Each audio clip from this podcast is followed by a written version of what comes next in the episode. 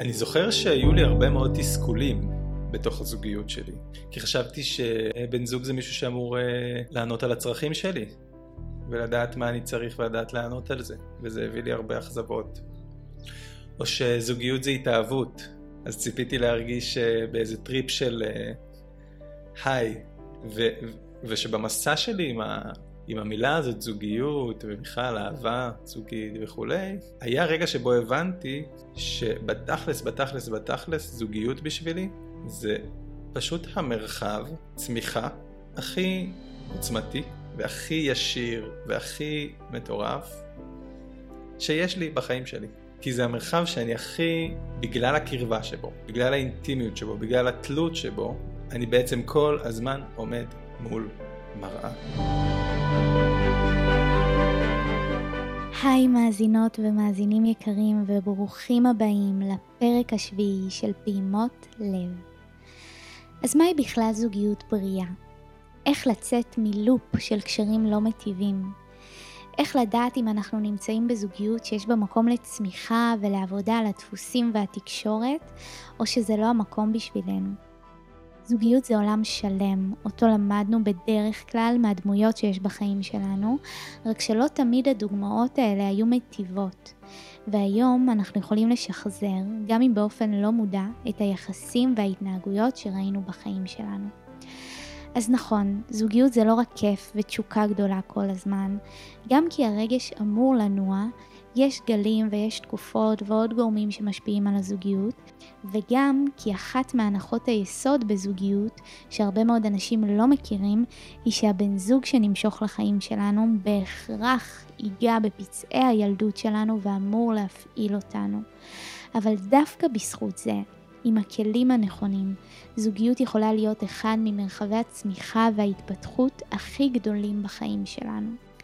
אז לכבוד ט"ו באב שמתקיים השבוע, ביקשתי מיובל מאואר, שהוא גם חבר וגם מאמן להתפתחות אישית בשיטת סאטיה, שמאמן גם יחידים וגם זוגות, שנקליט עבורכם ביחד את הפרק הזה, שהמטרה שלו היא לעשות לכם סדר לגבי הנושא הגדול, המדהים והלפעמים מורכב הזה שנקרא זוגיות, על הגורמים הלא מודעים שגורמים לנו להתאהב בבן אדם ספציפי, על איך נכון לתקשר באופן שירתום את בן או בת הזוג אלינו ולא ייצור האשמה או מגננה, על המרכיב החשוב שלפיו נמדדים יחסים, ועל איך בסופו של דבר לוקחים את האתגרים שיכולים להיות בזוגיות ויוצרים מהם מרחב של התפתחות וצמיחה. בעיניי זה פרק מדהים ומרגש שמלא בכלים חשובים אותם גם סיכמתי עבורכם בסוף הפרק, ואני ממש מקווה שגם אתם תהנו מהפרק הזה ותלמדו ממנו. ואם נתרמתם מהפרק, ממש אשמח, כמו תמיד, שתשתפו אותו עם כל מי שאתם חושבים שהוא יכול לתת לו ערך. אז יאללה, פתיח ומתחילים.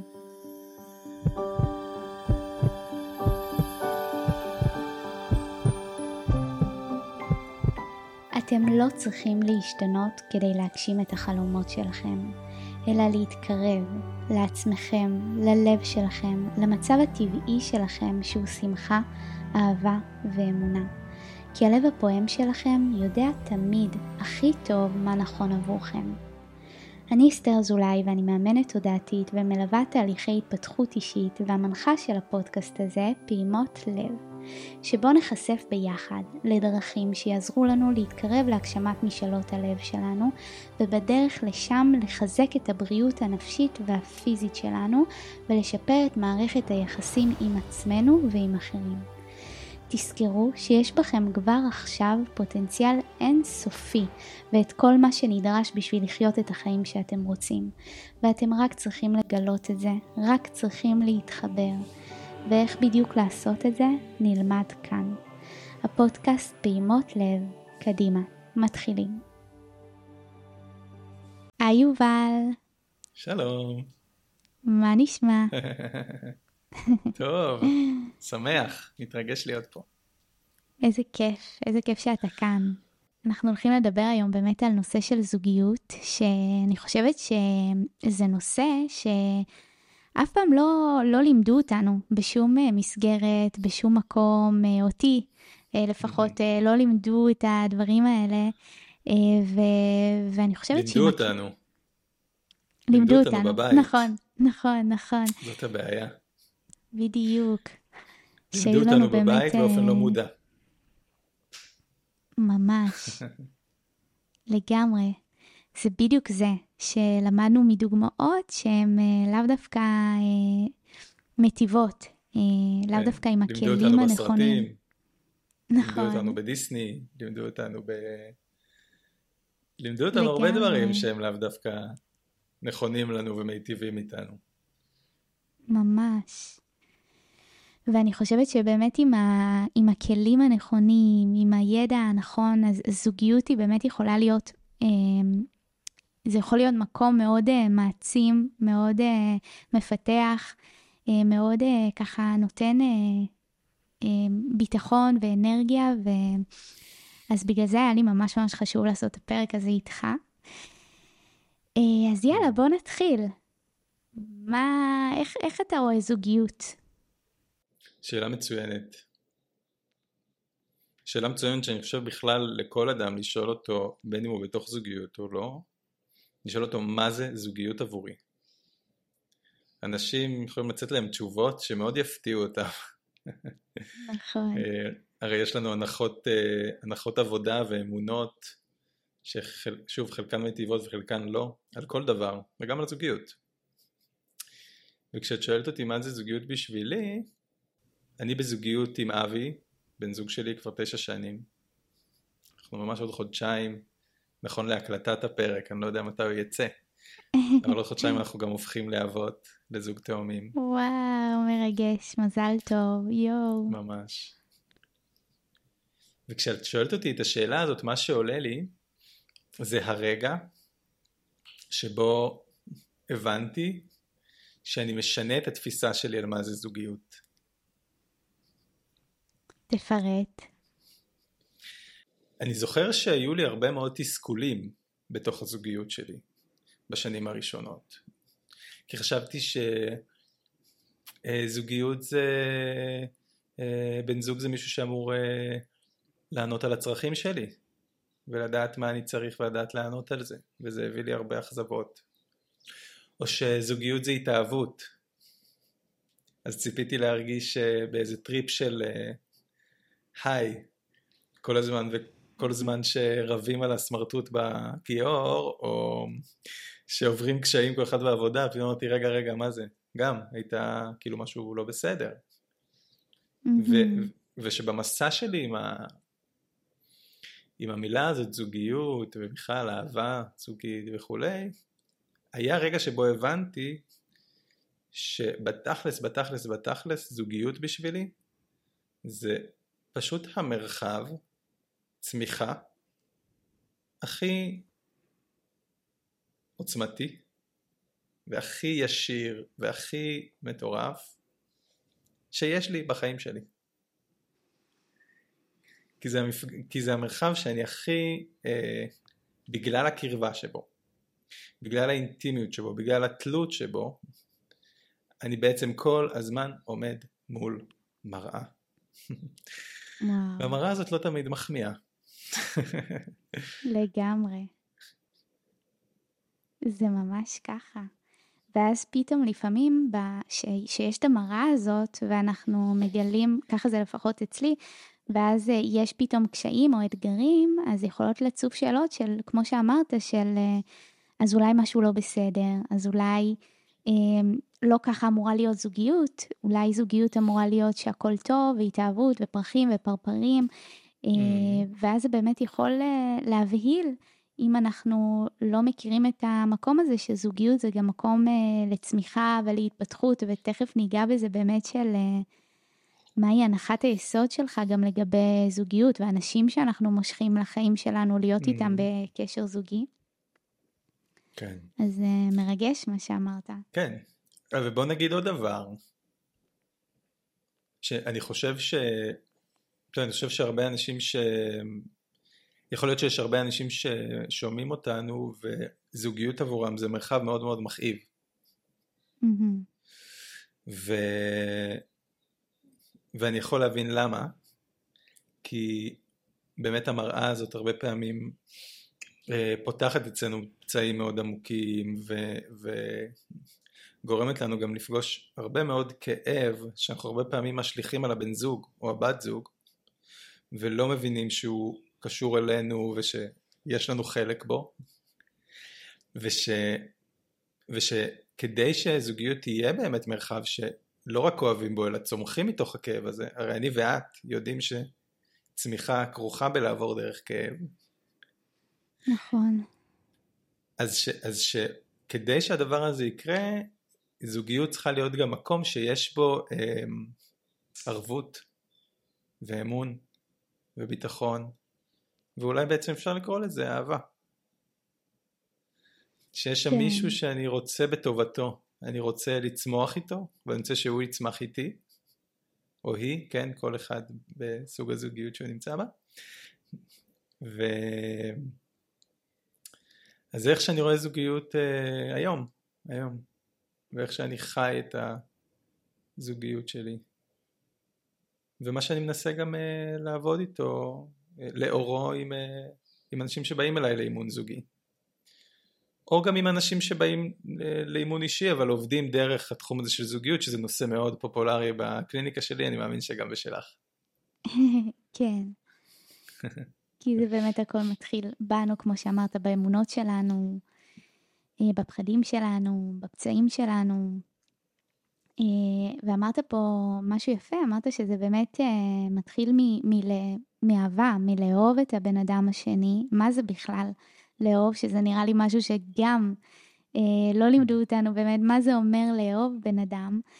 אה, והרבה פעמים אנחנו יכולים להסתכל על זה בתור מקום של כאילו שימלאו את הצרכים שלי וכאבים שלי. אה, ובא לי שרגע נצלול למקום הזה שאמרת אם מישהו מהמאזינים מרגיש שהוא נמצא בזוגיות שהיא אה, מכאיבה, שהוא מרגיש בה כאב, וזה מתקשר באמת גם להנחות שלנו לגבי זוגיות, כן. אז בא לי ש, שתפרט על זה. אוקיי, okay, אז, אז הנחת עבודה ש... שהיא רווחת בכל מיני אסכולות שמדברות על זוגיות ואני אישית אה, אימצתי אותה ומאמין בה ועובד איתה, פשוט מוכיחה את עצמה כל הזמן, זה שהבחירה שלנו, אה, את הבן זוג שלנו, היא בחירה לא מודעת, מדויקת. כלומר, כשאני מתאהב או מתאהבת במישהו או מישהי וזה מישהו הזה שאני גם בוחר ממש להעמיק איתו ולכרוך ולבנות איתו חיים זה לרוב יהיה מישהו שהרצפטורים שלי שוב בלא מודע כן המערכת. שהיא אני תזהה בבן אדם הזה בית כן. תזהה בבן אדם הזה בית עכשיו מה זה בית אנשים מדמיינים בית אומרים אוקיי מקום חמים מקום נעים מקום בטוח לא בהכרח כי אם בבית שבו גדלתי היה למשל הרבה מתח. אז בית עבורי זה, זה, זה, זה מקום שהוא מתוח. ואם בבית שבו גדלתי, ובואו נפתח פה סוגריים, הפצעים הכי עמוקים שלנו לרוב, לרוב, אה, התחילו ונוצרו בבית שבו גדלנו, ביחסים שלנו עם ההורים שלנו, עם האחים שלנו, כן, במרחב גידול הזה, כן. אז אם בבית שבו ואגב, גדלתי למשל... Hmm? כן. ואגב, גם אומרים שהם נרפאים ומקבלים בעצם את המענה בתוך קשר. אה, יש הרבה אסכולות שאומרות את זה גם. כן, לגמרי. זו ההזדמנות בעצם. זה כמו ההזדמנות או הריפוי או התיקון. כי אם, נפ... אם אנחנו אומרים שנפצענו בתוך יחסים, אז האפשרות שלנו להחלים ולהירפא היא בתוך יחסים. זה למה העוצמה של, של המרחב הזוגי היא כזאת uh, משמעותית. ולהשלים את הרעיון, אז אם בעצם בבית שבו גדלתי, נגיד, אם בבית שבו גדלתי הרגשתי שאין כל כך מקום ל... לרצונות שלי, כן?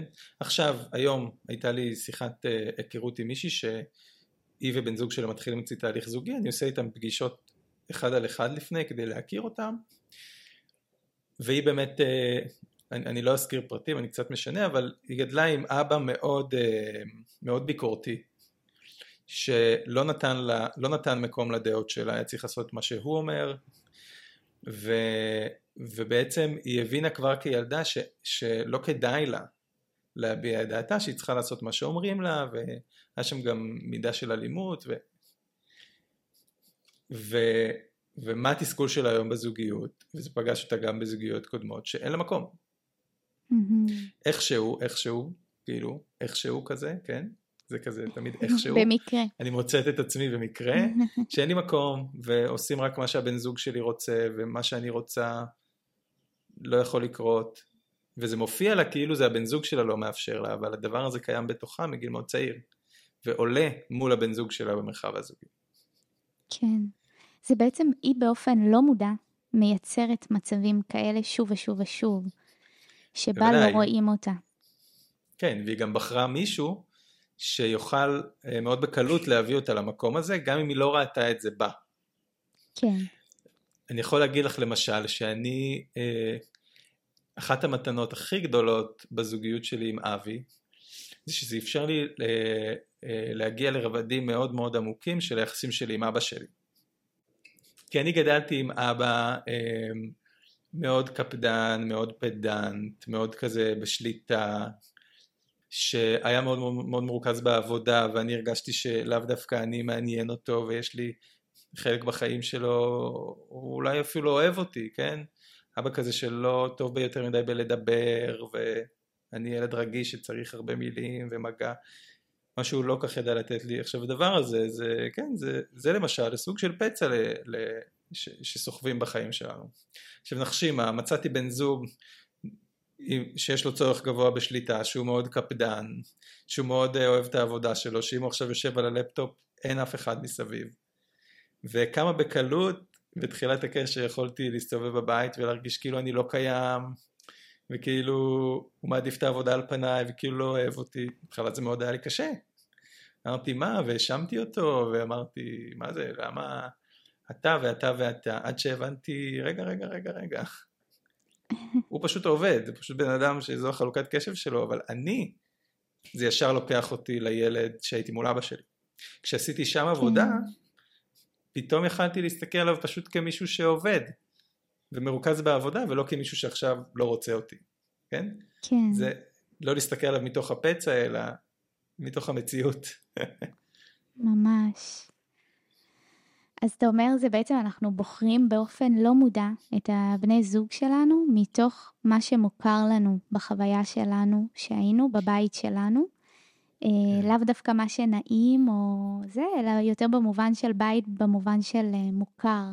מוכר. איך מוכר כן. לי שמתייחסים אליי, איזה חוויות מוכרות לי. ויכול להיות אגב שלאנשים לא יהיה כל כך נוח לשמוע שנוח להם להרגיש מבוטלים. לגמרי. או נוח להם להרגיש לא רצויים. או נוח להם שאין מקום לקול שלהם. אבל למה זה, למה זה חשוב באמת, אה, למה זה חשוב כל כך אה, להבין את זה? אה, לי זה עשה כאילו ממש שינוי, ההבנה הזאת של, של זה מקום שבו, זה המקום שאנחנו מתפתחים בזכות המפגש הזה עם המקומות האלה, הכואבים, הפצעים האלה. אתה מתחבר? מאוד. את רוצה בכלל לספר קצת על, על, על... את גם בזוגיות הרי, נכון? נראה לי שאנחנו יודעים, כי אנחנו רואים את צוף באינסטגרם, והוא נראה כן. בחור מאוד מקסים. מתוקי. רוצה לספר קצת על כמה זמן אתם ביחד, על הזוגיות שלכם? אה, אני יכולה להגיד שבאמת, אה, קודם כל עשיתי עבודה לפני הזוגיות, אה, שגם mm. במשך תקופה משכתי לחיים שלי גברים שבאמת לא ראו אותי, שלא mm. נתנו לי מספיק מקום, ואני חושבת שבזכות העבודה שעשיתי גם לפני הזוגיות, שזה גם משהו שאפשר לעשות, אז הצלחתי סוף סוף לייצר משהו אחר לגמרי מהקשרים הקודמים שהיו לי. וזה לא אומר שאין אתגרים, זה לא אומר שאין אה, מקומות שככה זה, זה מפעיל, אבל כן המקום הזה שרואים אותי ונותנים לי מקום ומכילים אותי, ש, שזה בעיניי זאת אהבה. אה, זה, זה כאילו הבסיס אה, לזוגיות. אז, אה, אז אני חושבת שאצלי זה, זו הייתה העבודה הזאת של גם לפני הזוגיות.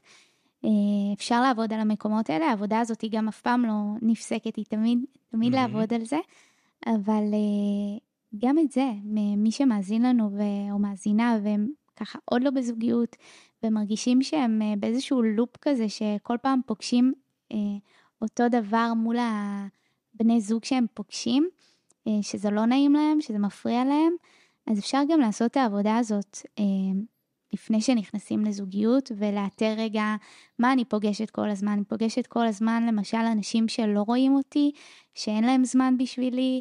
אה, רגע, ממה זה נובע? בדרך כלל זה נובע מכל מיני פצעים שלנו, מאמונות שלנו, אמונה אולי שאני לא מספיק בשביל להיות בזוגיות. Mm. אה, אז גם על המקומות... או בשביל להיות בזוגיות שבה רואים אותי. בדיוק. ממש, זה אני חושבת גם מה שהיה לי. אה, ו- ואפשר לעבוד על המקומות האלה, גם לפני שנכנסים לזוגיות, ו- וככה כמה שיותר אה, mm. למשוך אלינו את הבן אדם שאנחנו באמת רוצים, ש- שהקשר יהיה כמה שיותר, אה, שנוכל להתפתח בו באמת. כן, אני חושבת שאנחנו צריכים את הבסיס, את הבסיס הטוב הזה, את, ה- את האהבה ההדדית, את ההכלה ההדדית, את הבסיס הזה לצמיחה משותפת, הרצון הזה ביחד לצמוח. אני חושבת שכן הבסיס הזה הוא חשוב. אה, מה אתה חושב? מאוד, אני חושב שהדוגמה שלך היא ממש בעלת ערך. זאת אומרת שאת אומרת בסוף משכתי סוג מסוים של אנשים, ראיתי בסוף שיש משהו שחוזר על עצמו, שבכולם אין לי מקום. אז אמרתי רגע רגע אם יש משהו שחוזר בחיים שלי כדאי שנסתכל אולי פנימה ולא החוצה. בדיוק. וראיתי את המקום שאני מחזיקה שלא מספיק טובה וכשהחלטתי לעשות איתו איזושהי טרנספורמציה אז כשהחלטת לעשות איזושהי טרנספורמציה ב, ב, במספיק טובה שאת בלי קשר לבני זוג החלטת לייצר זוגיות שבה הופ פתאום יש לך יותר מקום ממה שהיה אז וזה, וזה קשור לעבודה שלך איתך זאת אומרת לא, לא הנחת את זה, הפסקת להניח את זה על הגבר שמולך לקחת את האחריות האישית ועשית שם עבודה ואז הופ משהו במציאות החיצונית אה, השתנה.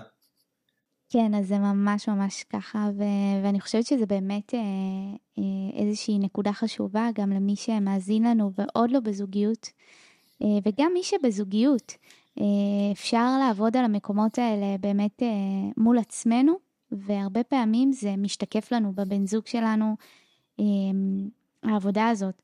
למשל, אם אני בזוגיות, אני נמצאת כרגע בזוגיות, אם מישהו או מישהי נמצא בזוגיות שמרגישים שהם אה, נגיד לא רואים אותם, אז במקום uh, להשליך את זה על הצד השני, uh, זה הרבה יותר, יש לנו הרבה יותר כוח בלשנות את זה, בלקחת את האחריות ולראות uh, איפה אני לא רואה את עצמי, uh, איפה mm-hmm. אני חושבת על עצמי שאולי אני לא מספיק ראויה שיראו אותי, uh, ולעשות עבודה על המקומות האלה, ובדרך כלל זה הצד השני משתנה בהתאם.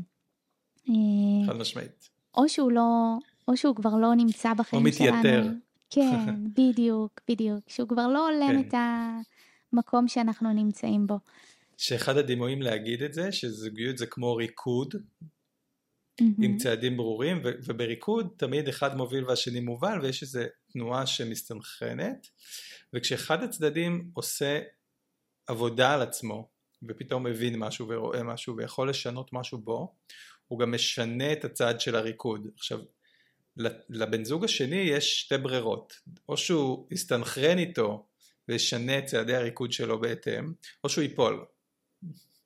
וואי. והרבה פעמים כשאדם אחד מתפתח בתוך זוגיות, האדם השני כמו נאלץ גם להתפתח.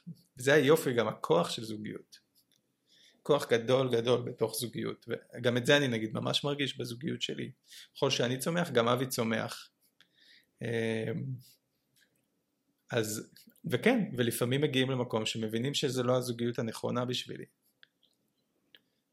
אז זה מאוד חשוב וגם רציתי אמ, אולי להפוך את זה לאיזה כלי פרקטי עבור המאזינים. שוב בין אם אתם בזוגיות או בין אם לא אתם יכולים לשאול את עצמכם.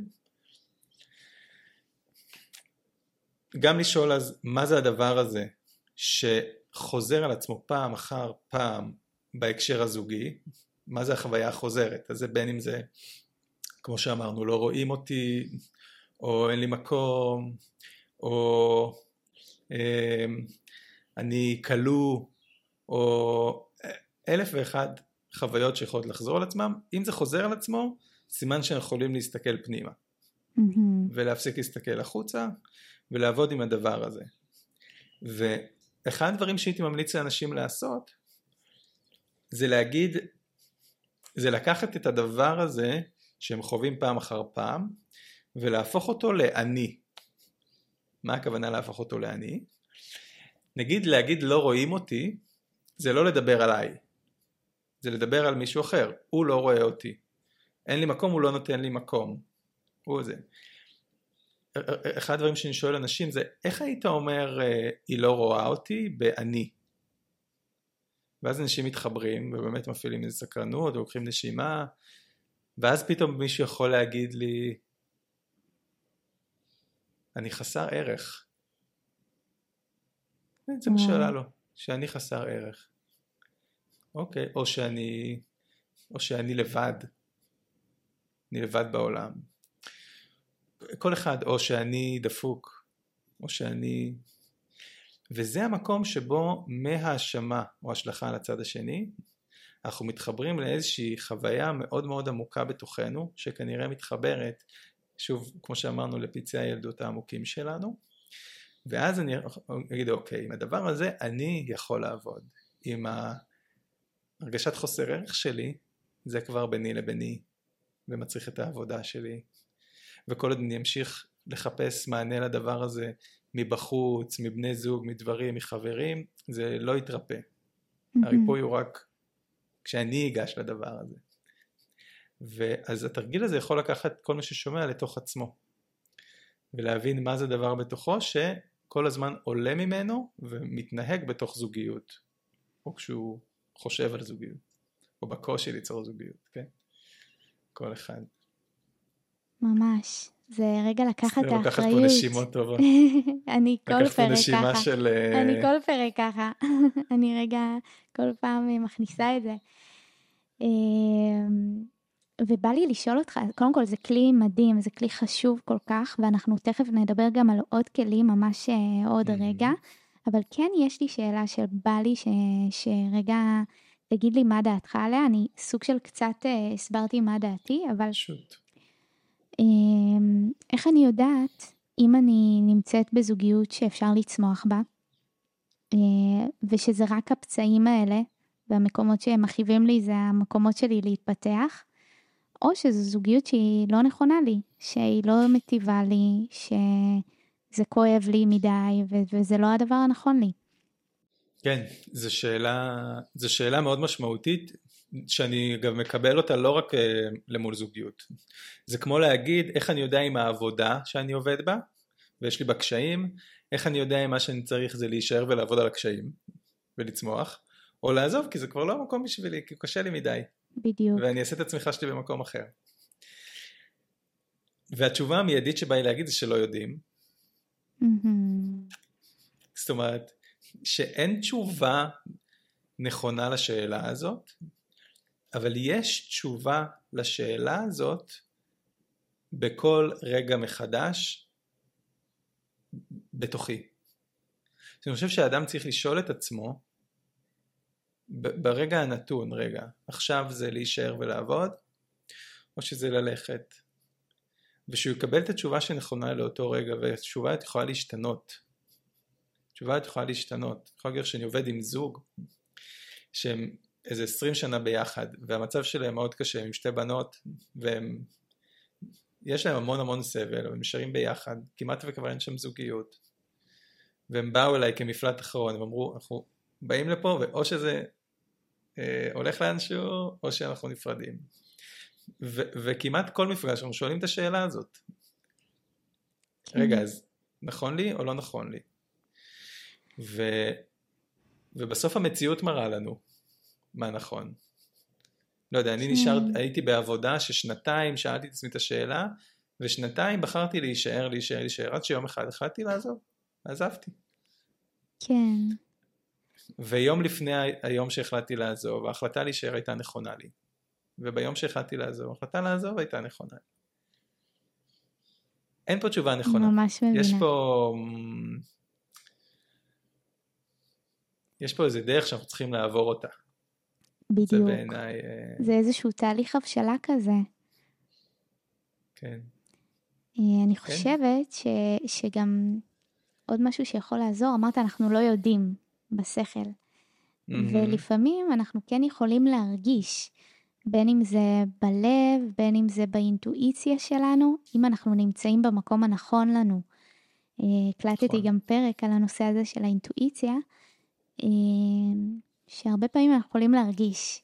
אה, אם אני נמצאת במקום שמיטיב איתי, שנעים לי, שרואה אותי, שמכיל אותי, ש... שאיתי, שהוא צוות איתי, או שהדברים האלה לא קורים ואני לא מרגישה מה, ש... מה שאני רוצה להרגיש. שוב, אפשר לעבוד גם על המקומות האלה. ואני חושבת שבאמת. שיהיה את הבסיס הזה, נכון? כן. כן, ואולי עכשיו כשדיברת, אז אני, אולי באמת להוסיף עוד משהו. קודם כל אני מתחבר למה שאת אומרת, אני קורא לזה שהגוף יודע עבורי. כן. זאת אומרת, הגוף בסוף זה. מסמן לי, לפי תחושות, לפי... ממש. ו... ושאני חושב שאחד הדברים זה לבדוק מה קורה כשעושים עבודה, מה הגוף אומר לי. Mm-hmm. מה אני מתכוון? שוב, אני מדבר על עצמי. אתמול, לי ולאבי הייתה שיחה מאוד מאוד מאוד מאוד מאוד מאוד מורכבת, שהתחילה מאיזושהי הרגשה שמשהו, משהו, משהו קורה. עכשיו, אם היית שואלת אותי, לפני השיחה הזאת, שנכנסנו לשיחה, מה הגוף אומר לך? הגוף צועק לי, לא טוב לי פה, בואי נלך מפה. כן. עכשיו, למה הוא צועק את זה שוב? כי זה מפגש עם פצעים, כי זה מחזיר אותנו למקומות הכי קשים שלנו. כי... ואז נכנסנו לשיחה, שנשארנו בעד שיצא מים. לא יודע, זה כאילו הייתה שיחה מתמשכת שנראה לי איזה שלוש שעות. Mm-hmm. וידענו לשוחח בדרך מסוימת שהיא לא דרך שמפוצצת, אלא דרך, אולי נדבר על כלים להקשבה, כן. אלא דרך ש, שיכולה, שפותחת ופותחת ופותחת, ובסוף השיחה הזאת, הגוף שלי אמר לי, אני במקום הנכון. אז יש את השאלה, אמ, מה קורה כשאני עושה עבודה? כשעובדים ביחד, כשעובדים על מה שמתרחש ולא מתעלמים או משתיקים או זה, מה קורה בסוף? עולה ההרגשה הזאת של וואי, אני אוהב את הבן אדם הזה, זה שווה לי, כן. או לא. זה מדד שבאופן אישי בעיניי אה, גם שווה לסמוך עליו. לגמרי. אז בוא נדבר באמת על הכלים שאתה רואה. לתקשורת בזוגיות, לעבודה עם הקונפליקטים האלה שיכולים לצוף. כן. אוקיי, אז, וזה גם באמת, זאת אומרת, אם יש משהו מרכזי שאני עובד איתו, אה, את יודעת, נכון איך אנשים מדמיינים אימון או טיפול זוגי? מה הסטינג? איך זה נראה החדר? אה, יש את ה... שיש את המטפל ומולו יושבים הזוג. על ספה כזאת, כן. נכון? ומולו הזה, יפה. באימון הזוגי הסאטי, הסטינג הוא שונה. וזה הרבה פעמים אה, מאוד מבהיל אנשים, ואחרי תקופה, זוגות שאני עובד איתם אומרים לי, אני לא, אנחנו לא מבינים איך זה שונה. איך אנשים עושים את זה אחרת, זה כל כך גאוני, ומה הגאונות? באימון הזוגי שאני מעביר, הזוג יושב קורסה מול קורסה. Mm. ואני יושב כאילו במשולש שלהם, כאילו בצד. Mm-hmm. מאונח אליהם. מאונח? כן. כן. מאוזן? מאונח? הבנת. מאונח, כן. הבנתם. ובעצם הם יושבים בלי שום מחיצה, פתוח גוף מול גוף, עיניים מול עיניים, מבט מול מבט, ובאים כדי להיפגש. וואו. להיפגש ו- וללמוד איך לשוחח. עכשיו, כדי להגיד את הכלים אני צריך לתת איזושהי הנחת עבודה. יש שני צירים שפועלים כל הזמן במרחב הזוגי. יש את הציר של היחסים, שזה בעצם התקשורת, נכון? התגובות אה, המילוליות והבלתי מילוליות, הטון שלי, המילים שאני אומר, המבט שלי, האטיטוד שלי, לא יודע, לפגוש בן זוג שכועס, שאומר ככה, שדוחה את מה שאני אומר, שמתפרץ לי, שמזיז את הראש, שמסתכל לי בעיניים, שלא מסתכל בעיניים. היחסים הם בתגובות. היחסים, מה שבונה את היחסים ומקיים אותם, זה התקשורת היומיומית בין הזוג. כן. אני יכול להגיד, אני מאוד מאוד אוהב את בת הזוג שלי, אבל אם, אבל אם כשהיא מדברת, אני אומר לה, טוב, טוב, נו, בסדר, אבל זה לא באמת משנה, אז היחסים, יחסים של ביטול, לא של אהבה. לא משנה שאני אומר שאני מאוד אוהב אותה. יחסים נמדדים בפעולות, כן. בתקשורת, ב, ב, ב, ב, בתגובות. אז זה ציר אחד, והוא מקיים את השגרה שלנו, ובתוכו אה, נוצרים הפיצוצים, ובתוכו נלמדים מה, מה, על מה כדאי לדבר, מה כדאי פשוט לא לדבר עליו, מה אם אני אגיד יהיה מקום, מה לא, ככה. וזה מייצר את הדינמיקה בעצם, זה ציר אחד. הוא כועס, היא נעלבת, היא נסגרת, הוא uh, מבקש סליחה, uh, היא מתעצבנת עליו, לא, לא, לא, לא, כזה. וזה לרוב חוזר על עצמו. יש דינמיקות שאם נסתכל, כל הזמן חוזרות. כן, זה בדרך כלל ככה, נכון? בדרך כלל הריבים, הקונפליקטים, זה בדיוק על אותם דברים. אותו ריב. כן.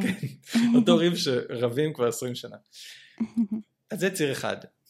ציר נוסף, והוא הציר המשמעותי, זה מה שקורה מתחת לפני השטח, שבעצם מפעיל את התגובות.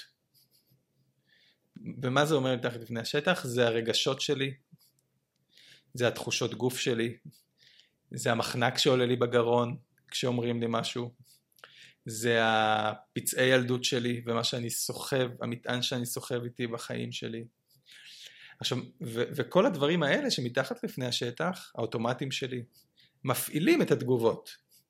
ואז יכול להיות מצב, למשל, שמישהו מאוד מאוד מאוד אה, נפגע ונעלב ממשהו שבת הזוג שלו אמרה לו, והוא מרגיש ממש אפס ברגע הזה, או שכמו שאמרנו חסר ערך, ולבד בעולם, ובעלבון, ובעצב, ובבדידות, אבל מה שיהיה מעל פני השטח זה, יאללה, גם כן את, מי צריך את השטויות האלה?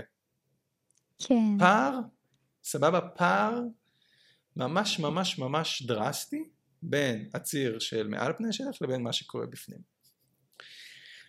והמטרה שלנו ב, ב, שלי עם זוגות בעבודה, וגם שלי בתוך הזוגיות שלי, זה להצליח להעמיק את ההיכרות שלי עם בן הזוג שלי, ובעצם להצליח להתארח בעולם שלו באופן שאני אוכל להכיר את מה שקורה גם מתחת לפני השטח.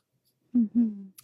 ואז גם התגובות יוכלו להתמתן, ואז אני בכלל יוכל להכיר מי זה הבן זוג שלי באור אחר לחלוטין, והוא יוכל להכיר מי אני. אתה יכול לתת דוגמה? Okay. אוקיי? כן, בטח. אני יכול להביא נגיד דוגמה של זוג ש... ש... הוא מאוד מאוד אה, מפחד, הוא מאוד חסר לו מגע ומיניות וש... אבל הוא נורא נורא גם מפחד ליזום, כי הוא נורא מפחד שהיא תדחה אותו. ואחד הדברים שהוא כל הזמן אומר זה שהיא מאוד מאוד מאוד כועסת, והיא כל הזמן מאוד כועסת ותוקפנית. ו... וב... וב... ובראייה שלו הוא מין דחוי כזה, mm-hmm. שעומד מול מישהי שכל הזמן כועסת עליו, והיא לא איתו, אלא היא כאילו אויבת שלו. כן. והיא, בחוואי, חווה בדידות נוראית בקשר. היא חווה שהיא מאוד מאוד מאוד לבד ושהיא לא אהובה. בגלל שהוא כבר לא יוזם שום דבר איתה, אבל הוא מאוד רוצה, אבל הוא לא מרשה לעצמו, כי הוא מפחד ממנה. אבל היא בסוף מרגישה מאוד נטושה ומאוד מאוד לבד, ומה שהיא מראה מעל פני השטח זה או שהיא מאוד מאוד רחוקה, או שהיא כועסת, או שהיא רחוקה או שהיא כועסת. Mm-hmm. עכשיו, הוא מנותק כזה ולא יוזם, היא רחוקה וכועסת, וזה מה שקורה ביום יום שלהם. מתחת לפני השטח הוא מאוד מאוד רוצה אותה, מאוד מאוד רוצה את המגע שלה ואת החום שלה, והיא מרגישה שהוא לא רוצה אותה. שתי שיחות שונות לחלוטין, לחלוטין, בסדר? שבעצם שניהם רוצים אה, איזושהי קרבה. נכון. שניהם רוצים איזושהי קרבה ולא מצליחים לייצר אותה. עכשיו, מה יקרה כשזוג יתחיל לדבר, נגיד הוא יתחיל, הוא יגיד, דה, אנחנו כבר, אנחנו כבר, לא שוכ... כבר שנים לא שוכבים, ו... ואת בכלל לא, לא רוצה, וכל פעם שאני באה את לא רוצה, ולה לה לה לה לה לה. בשיחה רגילה, הוא אומר את זה, ואז היא אומרת, מה פתאום, זה בכלל אתה, מה, מתי הפעם האחרונה שזה, ואז טק טק, מתחיל שיחת פינג פונג של בית משפט. Mm-hmm. הגנה והתקפה, מי צודק, מה הוגן, מי יזם קודם, מי עשה קודם. שיחה שאני הרבה פעמים, אם אני נותן לה להתנהל גם בקליניקה, אני בשלב מסוים עוצר ושואל אותם, האם השיחה מקדמת אתכם? ואז מה שאומרים זה לא, אני מרגישים שלוקחת אותנו אחורה. ואני אומר, נכון, כי זו שיחה לא מקדמת וזו השיחה הכי נפוצה. ואז מה אנחנו נדרשים בעצם לעשות? אנחנו נדרשים להבין שבתוך שיחה בין בני זוג יש שתי שיחות. יש את השיחה שהוא מנהל ויש את השיחה שהיא מנהלת. Mm-hmm. וזה שתי שיחות שונות כי בעצם כל אחד מדבר מתוך עולמו הפנימי שהוא לא קשור בכלל לבן זוג רק מופיע מולו ועולה מולו ושאנחנו רוצים לתת מקום נפרד ושונה לכל אחד מהם. בעצם, וחבר'ה תנסו את זה בבית, זה עושה קסמים, עכשיו יובל ואסתר זוג, ואסתר באה אליי עם הדבר הזה, והיא אומרת לי, אתה לא יוזם וכולי. אני, ישר קורה לי משהו בגוף. קיבוץ בבטן, זה, אני רוצה לכעוס, אני רוצה להגן על עצמי, אני רוצה להגיד שזה לא נכון. נכון. אם אני מבין שאסתר היא אדם שלם עם עולם פנימי וכל כך הרבה דברים מניעים את ההתנהגות שלה וכולי, אז אני בעצם רוצה ללמוד לטפל בעצמי, שזה ללמוד לנשום ולטפל במחנק שלי ובקיבוץ שלי, ולאו דווקא ללכת למגננה, אלא להסכים לשים רגע את עצמי לכמה רגעים בצד, mm-hmm. ולהקשיב רק לגרסה של אסתר אפילו שהיא מדברת עליי ואפילו שהיא טועה ממש, ומה שהיא אומרת לא היה. אבל אני רוצה, ההקשר שלי, שוב, אם אני רוצה לצמוח עם הבן זוג שלי, וזה דורש רצון כי זה לא קל, ההקשר שלי זה עכשיו להתארח בעולמה הייחודי של אסתר. כן. ואז אני יכול להקשיב לה עד הסוף, בלי לקטוע אותה, ולנשום, בלי לקטוע אותה. והיא מדברת ומדברת ומדברת, ואני מקשיב עד הסוף. אנחנו קוראים לזה עד הסוף ועוד קצת. היא מסיימת לדבר, אני לא ישר מגיב, לא ישר מתפרץ, אני לוקח עוד נשימה, ואז לפעמים היא רוצה להמשיך לדבר. עכשיו כבר זה כבר להרגיש שנתנו לי מרחב לדבר, מרגיע. כי כבר יש לי מקום. שזה בעצם, לי מקום. זה בעצם הבקשה של אותה דוגמה, של הבחורה נכון. באותה דוגמה. לגמרי. היא רוצה שיראו אותה. וזה בקשה של כולנו. של כולנו. זה בקשה של כולנו. אז כבר יש מקום. אם לוקחים את זה אפילו עוד רמה, וזה מה שאנחנו מתרגלים פה בחדר, אני מלמד את הזוגות אה, להשתמש בכלי של שיקוף. כן. לא רק שנתתי לך לדבר, אני עכשיו גם אומר, לא מהמילים שלי, אלא מהמילים שלך, מה אמרת. מדהים. לך, אוקיי, אז את, אז את אסתר בעצם אומרת ש...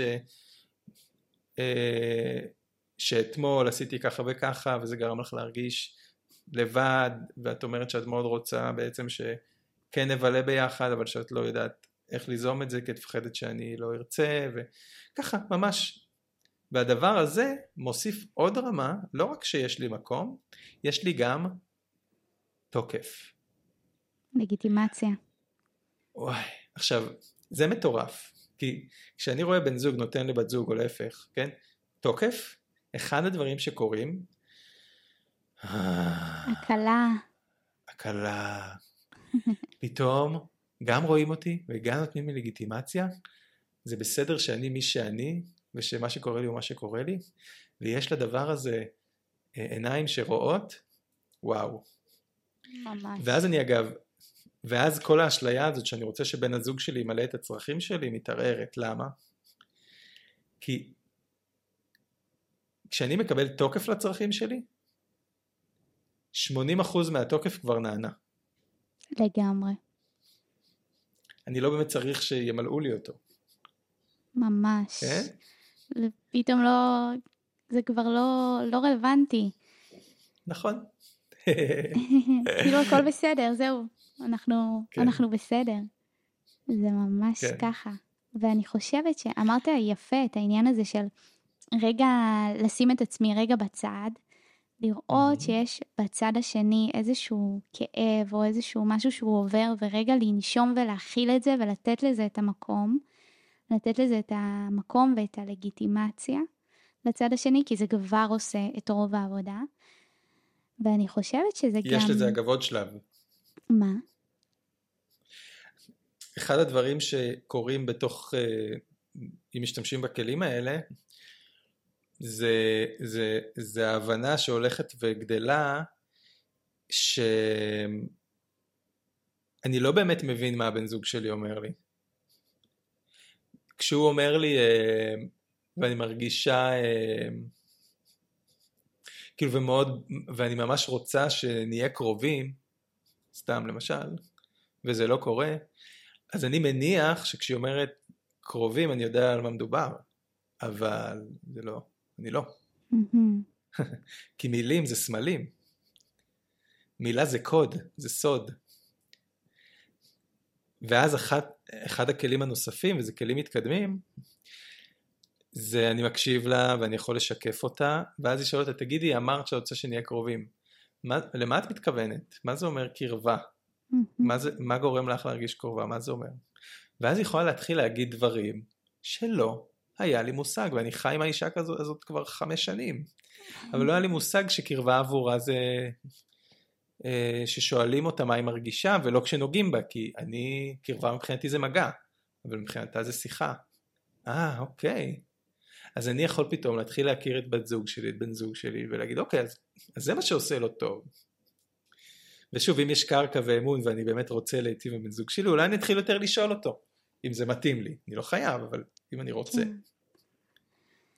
ואנחנו נכנסים פה גם לעניין של אה, להיות פגיע מול הצד השני וחשוף, שזה גם Mhm. אה, לא, לא תמיד קל, ובכלל, כל מה שאנחנו מדברים פה, אנחנו פה מדברים אה, בכיף, אבל זה דברים שזה לא קל... אה, מורכבים מאוד. כן, לא קל לעשות את זה ברגע האמת, אבל אה, זה באמת... אה, מורכבים מאוד.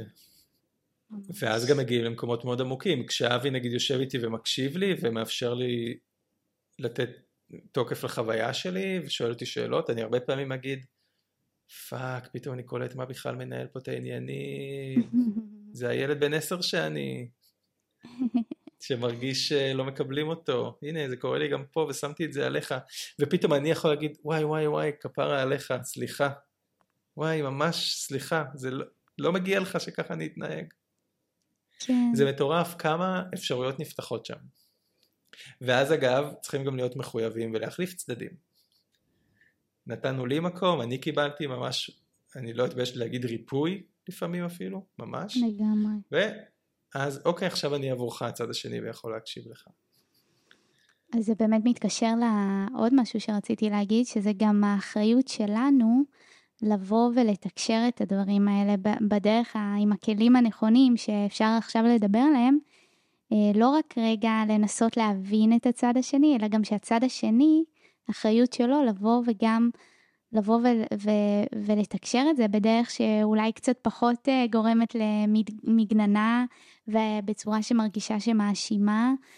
אז איך באמת אפשר לתקשר אם יש משהו שכואב לי, שמפריע לי? מהמם.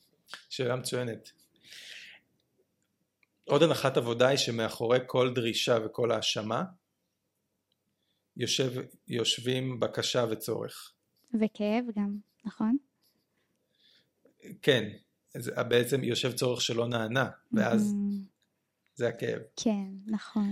כשאני אומר לך, אה, עכשיו בואי ניקח דברים סתם אפילו יומיומיים, אני יכול, לא יודע, לי היה הבדל מאוד מאוד מש... בן זוג שלי הרבה היה אומר לי, אה, היה מתעצבן עליי ומאשים אותי שאני מבולגן ולא מסדר ולא משאיר את הבית אה, מסודר ושהחדר מבולגן וזה, הוא היה מתעצבן עליי וכל הזמן מאשים אותי ודורש ממני. די ואין לי כוח וכמה אתה יכול זה ותנקה ותסדר וזה ואני ככל שהוא היה עושה את זה אני הייתי יותר לא היה בא לי. ככה זה מרחיב. בדרך כלל. וכשהוא יכל לשאול את עצמו בתוך העבודה שאנחנו עושים, הוא יכל לשאול את עצמו, רגע, כשאני מאשים אותך שאתה... ההאשמה הזאת, אה, איזה צורך שלי יושב מאחוריה, ואז יוכל להבין, וואלה, יש שם כמה צרכים. אחד, יש לי צורך בסדר. כאילו הוא הבין שהוא בן אדם שיש לו צורך בסדר, זה ממש, כשהוא בבלגן, הוא במצוקה. Mm-hmm. והוא צריך שדברים יהיו מסודרים כדי שהוא יוכל להיות בשליטה. אז זה קודם כל צורך שלו, שלא קשור אליי. והוא גם מבין שיש לו צורך להרגיש, אה, גם להרגיש אה, כזה שרואים אותו, שסופרים אותו, להרגיש חלק. וכשאני, וכשאני בלגנתי, מה שזה גרם לו להרגיש, כאילו אני לא שם עליו. לגמרי. אני זוכר אפילו שיחה שהייתה לנו, שאני הקליניקה שלי בבית, והוא אמר לי, הקליניקה שלך כל כך מסודרת וכל כך נקייה, והחדר שלנו כל כך מבולגן, אז מה אני מבין מזה? שאני לא חשוב לך כמו המתאמנים שלך? ממש. יש לו היה לו צורך להרגיש חשוב. עכשיו אני לא יכולתי לראות את זה גם אם הייתי מסתכל עם משקפת. ועד שהוא לא לקח את האחריות להגיד את זה, לשת, לשתף את הצורך שמאחורי ההאשמה שלו, אני לא יכולתי להבין וואו כמה זה משמעותי וכמה אני רוצה שהוא לא ירגיש ככה. כן. ואז אחד, אני ואבי מסיימים כל שיחה שלנו על דברים כאלה באוקיי, מה אתה רוצה לבקש ממני, מה אני רוצה לבקש ממך. ואז פה יש לנו גם את ההזדמנות להפוך את הדרישה של תסדר את החדר לבקשה של אני ממש מבקש אם אתה יכול אה, את החולצות שלך לא להשאיר על המתלה שלושה ימים אלא אחת ליומיים לקפל. עכשיו בקשה זה משהו שהצד השני לא חייב להגיד עליו כן. זה רק אם הוא רוצה, הוא לא חייב. או כמו שאני יכול לבקש מאבי, שכשאני בא הביתה והוא עובד, אני, זה ממש יהיה לי מדהים אם הוא לרגע יסיד, לא, לא יגיד לי היי וזה, אלא יוריד את העיניים מהמסך ויסתכל עליי, כי זה גורם לי להרגיש חשוב ושיש לי מקום, ושהוא שמח שאני בא הביתה, ושניתן את החיבוק הזה ואז הוא יחזור למחשב. אם הוא יזיז את העיניים, ההזזנות של המבט, לי ממש חשוב, אז ביקשתי את זה ממנו. הוא אמר וואלה זה כן. מה שאני יכול לעשות עבורך, אני רוצה לעשות אותו. יאללה. בקשות זה דבר שצריך להיות ספציפי ולהבין שאם אני מבקש בקשה לא חייבים להיענות לה. רק אם רוצים. זה גם אני חושבת המקום שלנו לבוא ולהגיד אה, לא בצורה מאשימה או משהו כזה אלא באמת להגיד מה זה גורם לנו. למשל כשאני נכנסת הביתה ואני רואה שהחדר ממש מבולגן, זה גורם לי להרגיש ש, ש, שלא אכפת לך ממני, או שאני לא, שאני לא חשובה, או שהצרכים שלי לא חשובים, אה, שזה לא מספיק חשוב לך, זה מה שזה גורם לי להרגיש, ואז לסיים באמת בבקשה הזאת. אז אני ממש מבקשת, אם תוכל, כשאתה מסיים אה, להוציא את הבגדים, לשים אותם בכביסה, לא יודעת, סתם איזה משהו. אבל אה, כן. באמת אה, כשאנחנו באים ו- ו- ומדברים עם הבני זוג שלנו על משהו שכואב, עם כל בן אדם, אז לבוא ולהגיד מה זה גורם לנו להרגיש, אה, לקחת את האחריות כן. אלינו ו- ו- ולהגיד כן. מה, אנחנו, מה אנחנו מבקשים כתוצאה מזה. ואז זה גם כן. פחות גורם לצד השני להתגונן, אלא יותר לבוא ממקום של חמלה כזאת, שאנחנו כן. רואים את הפגיעות הזאת. וזה דורש מאיתנו לזכור שהבני זוג שלנו הם לא ההורים שלנו ושאנחנו לא ילדים. כי לרובנו יש תפיסה, אנחנו בלי לשים לב מתנהלים לבן זוג שלנו כמו שילד מתנהג להורה שלו. אנחנו גם לוקחים אותם כמובן מאליו, כאילו הם תמיד יהיו שם. זה לא נכון. אם אנחנו נתייחס באופן מסוים לבני זוג שלנו, הם בשלב מסוים יוכלו ללכת. כן. אז כדאי שנשים לב איך אנחנו מתקשרים ואיך אנחנו ביחסים. שתיים, התפקיד שלהם בשונה, התפקיד שלנו, של ההורים שלנו כשהיינו ילדים היה לענות על הצרכים שלנו. זה לא התפקיד של בני הזוג שלנו. זה התפקיד שלנו כאנשים מבוגרים. Mm-hmm. בן זוג יכול להיות לעזר, אז זה לא התפקיד שלו והוא לא אמור לקרוא ולנחש מה אני צריך כמו שאימא שלי הייתה אמורה לעשות. אם יש לי צרכים, זה עליי להביא אותם, זה עליי לתקשר אותם. ו... וזה חלק מהאנשים לא אוהבים לשמוע. שאף אחד לא חייב לנו כלום בין- כבר. כן, זה שוב השיפט הזה לגבי מה זה זוגיות עבורי. כן, מה זה... וזה דורש ממני לוותר על זה שבן זוג זה מישהו שיציל אותי, זה מישהו שימלא את כל הצרכים שלי, זה מישהו שיגרום לי להרגיש טוב כל הזמן, זה מישהו שאחראי בכלל על הרגשות שלי. אז אתם יכולים להחזיק בתפיסות האלה, הם פשוט אה, יהיו קצת מתכון להרבה אסון. כן. לא קצת, אמרתי לקצת להרבה, אז לא, הם יהיו מתכון לאסון, לרוב. וכן, יש, וזה למה גם זוגיות זה מרחב שבו אנחנו מתבגרים, ממש. וכשאני מתבגר אני יכול להפוך לאדם הרבה יותר ראוי, הרבה יותר גדול ועוצמתי ומשפיע. אה, ו... זהו, מתנה גדולה. יכולה להיות מתנה גדולה. ממש. יש עוד איזה כלי שעולה לך לתקשורת בזוגיות, לעבודה עם קונפליקטים? עולים לי, עולים לי רגע שני דברים. כן. דבר אחד שעולה לי, שזו גם פשוט, אני חושב על שאלות שהיו גם פורצות דרך עבורי כבן זוג, זה שכל אחד יכול רגע להסתכל אם הוא בתוך זוגיות, לשאול את עצמו, מה הדרך שלי להיות בזוגיות? אוקיי? אחד הדברים נגיד שאני הבנתי גם לפני כמה שנים, זה שהדרך שלי להיות בזוגיות זה להיות עם רגל אחת בחוץ. מה הכוונה? הכוונה היא שאני כאילו פה ואני, ואני, ואני בתוך הקשר וזה, לכאורה, אבל יש לי תמיד איזה, אני כאילו הדלת שלי פתוחה ויש לי רגל אחת בחוץ. אני משמר בתוך עולמי הפנימי מין מקום כאילו אני לא בזוגיות. למה? אני כאילו, היא אולי תכף תיגמר, יש לי um, תוכניות אחרות, um, מין מקום ששומר את עצמי לבד. כן. שזה איזשהו מנגנון הגנה שהיה לי. לא להתמסר עד הסוף. כן, מאוד מפחיד, מאוד הפחיד אותי.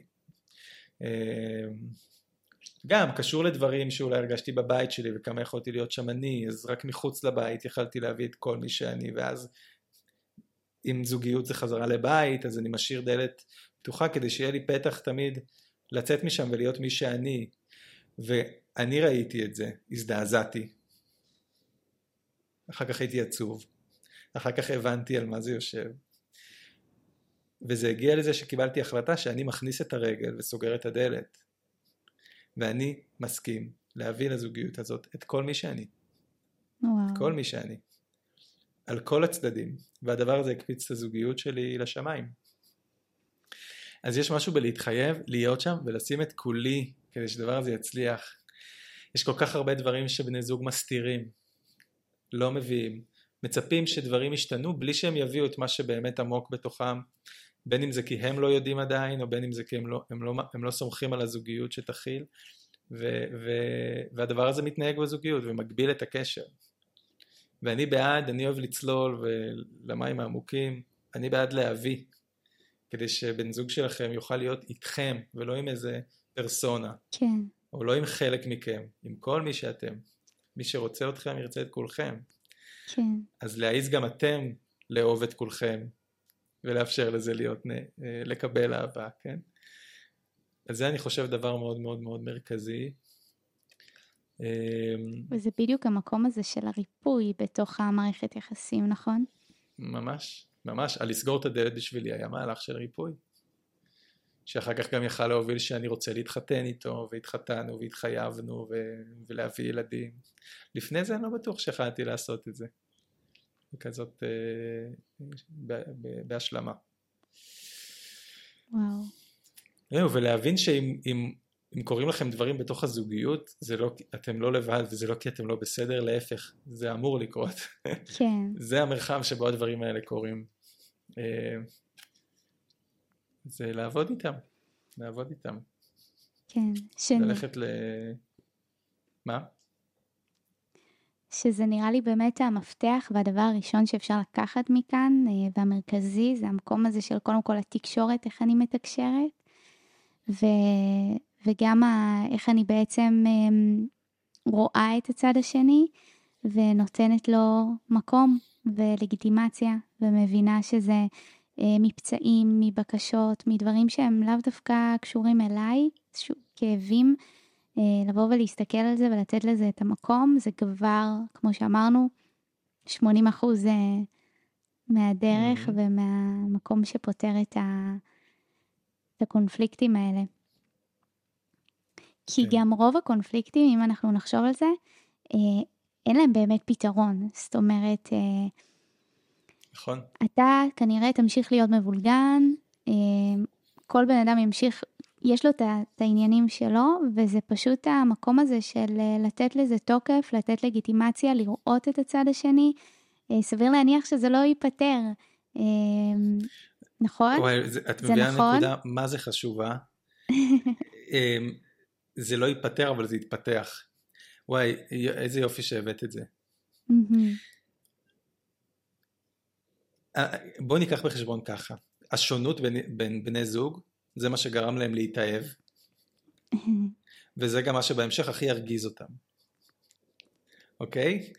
אבי הקפדן והזה בחר בי כי אני יש בי משהו קצת יותר מבולגן וזה זה ואני להפך שהוא יאסוף אותי וכולי ואז בהמשך זה גם הפעיל את הפצעים שלנו. הדבר המשמעותי שקורה אה, כש, שוב, כשמסכימים לדבר את זה ולהכיר חדשים ולעשות את העבודה הזאת שאמרנו, ש, שהדברים שהכי עצבנו אותי בבן זוג שלי, ובאמת הם, הם לא כל כך פתירים, זה על מישהו כזה, בדיוק. הופכים להיות איזושהי אה, הרחבה של הזוגיות. למשל, אבי היה משתגע מזה שהקצב שלי איטי יותר, לקבל החלטות וזה, והוא כזה טאק, יאללה, יודע מה הוא רוצה. ופיתחנו ביחד, ראינו ביחד, שזה השילוב של שנינו, זה שהוא יכול לראות למרחקים, ולראות מאוד מהר, ואז אני יודע רגע לעצור ולדייק ולקחת את הזמן לשהות עד שמגיעים לדבר שיהיה לנו הכי נכון אה, בבחירה עצמה של הכיוון שהוא שלח. גילינו שאנחנו פשוט מערכת שהיא גדולה משלל חלקיה. ברגע שהפסקנו לתת לזה להתנגש ונתנו לזה להיות פלוס, יכלנו לבנות כאילו מבנה חדש שהוא גדול מסך חלקינו, שאחד ועוד אחד שווה שלוש כזה. וזו ההתפתחות. זו איזו אפשרות חדשה, כשמה שהגביל הופך להיות דווקא ה... היתרון של המרחב הזה שנקרא זוגיות, של הביחד הזה. מה אפשר לכם שיש לנו. להפוך את זה לפלוס? כל מה שתיארתי בפרק הזה. לדבר את זה, להבין מה זה עושה לכל אחד, על מה זה לוחץ, מה זה מפריע, טה-טה-טה, לדבר את זה, לבקש בקשות, ל- ל- ל- להבין את הצרכים של הצד השני, להפסיק לרצות לשנות את הצד השני ולהתחיל לקבל אותו כמו שהוא, וואי, זה כל כך חשוב. ולהבין ש... כן, איך לא אמרנו את זה? אף שינוי, אף, סליחה, אף התפתחות, כי שינוי יכול לקרות מהמקום הזה, אבל אנחנו מחפשים התפתחות וגדילה. אף התפתחות לא יכולה לקרות בלי שיש קבלה של הדבר. בדיוק. אני לא, אם אני ארצה לשנות את הבן זוג שלי, סביר שאני אקח את הקשר שלנו אחורה ולמטה. ממש. אם אני אסכים לקבל אותו כפי שהוא, על שלל מעלותיו ופצעיו וחסרונותיו, ועם זה נעבוד, אז נוכל להתקדם.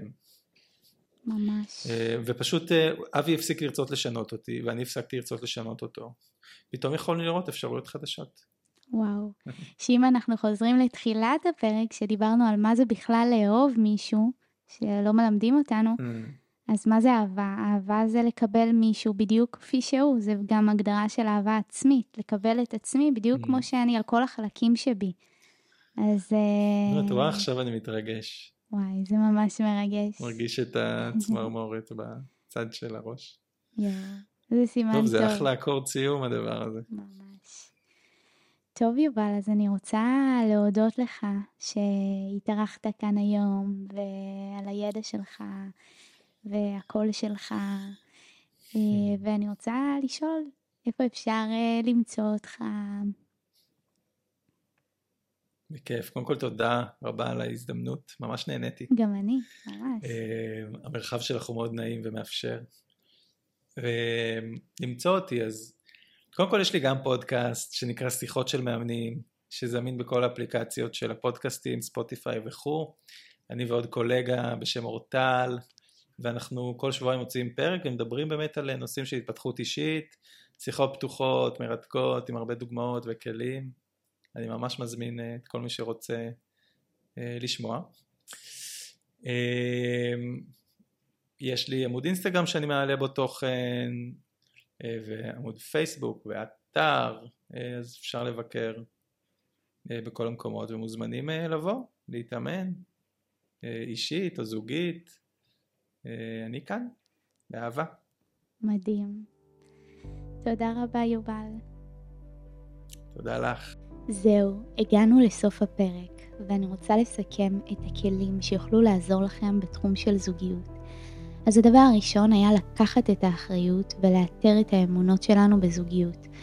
לשאול מה חוזר פעם אחר פעם בהקשר הזוגי, כי אם יש משהו שחוזר, אז יכול להיות שזה קשור לאמונות שלנו ולפצעי הילדות שלנו, ואז אפשר לאתר את זה ולעשות עם זה עבודה עצמית, ואז המציאות שלנו משתנה בהתאם.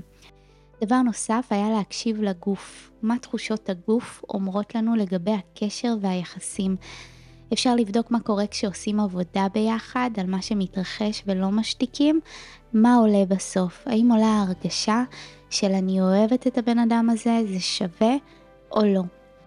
דבר נוסף שיכול לעזור לנו בתקשורת ביחסים היה אה, הכלי של ההכלה. להקשיב ולהכיל את הצד השני, לתת מקום למה שהוא מרגיש, זה כבר גורם להרגיש שיש לו מרחב, שמקשיבים לו ורואים אותו. והשלב הבא היה השלב של השיקוף. זאת אומרת, לא רק לתת לצד השני לדבר, אלא גם להגיד במילים שלנו את מה שהוא אמר. אפשר להגיד, בעצם מה שאתה אומר זה, ולחזור אחרי מה שהוא אמר במילים שלכם, זה מראה שלא רק שיש מקום למה שהוא אומר, אלא שיש גם תוקף. דבר נוסף היה להבין מה הצורך שיש לנו מתחת לדרישה ולהאשמה שיש לנו כלפי בן או בת הזוג ולתקשר את הצורך הזה לבן או בת הזוג. ולהביע את הצורך הזה בעצם כבקשה.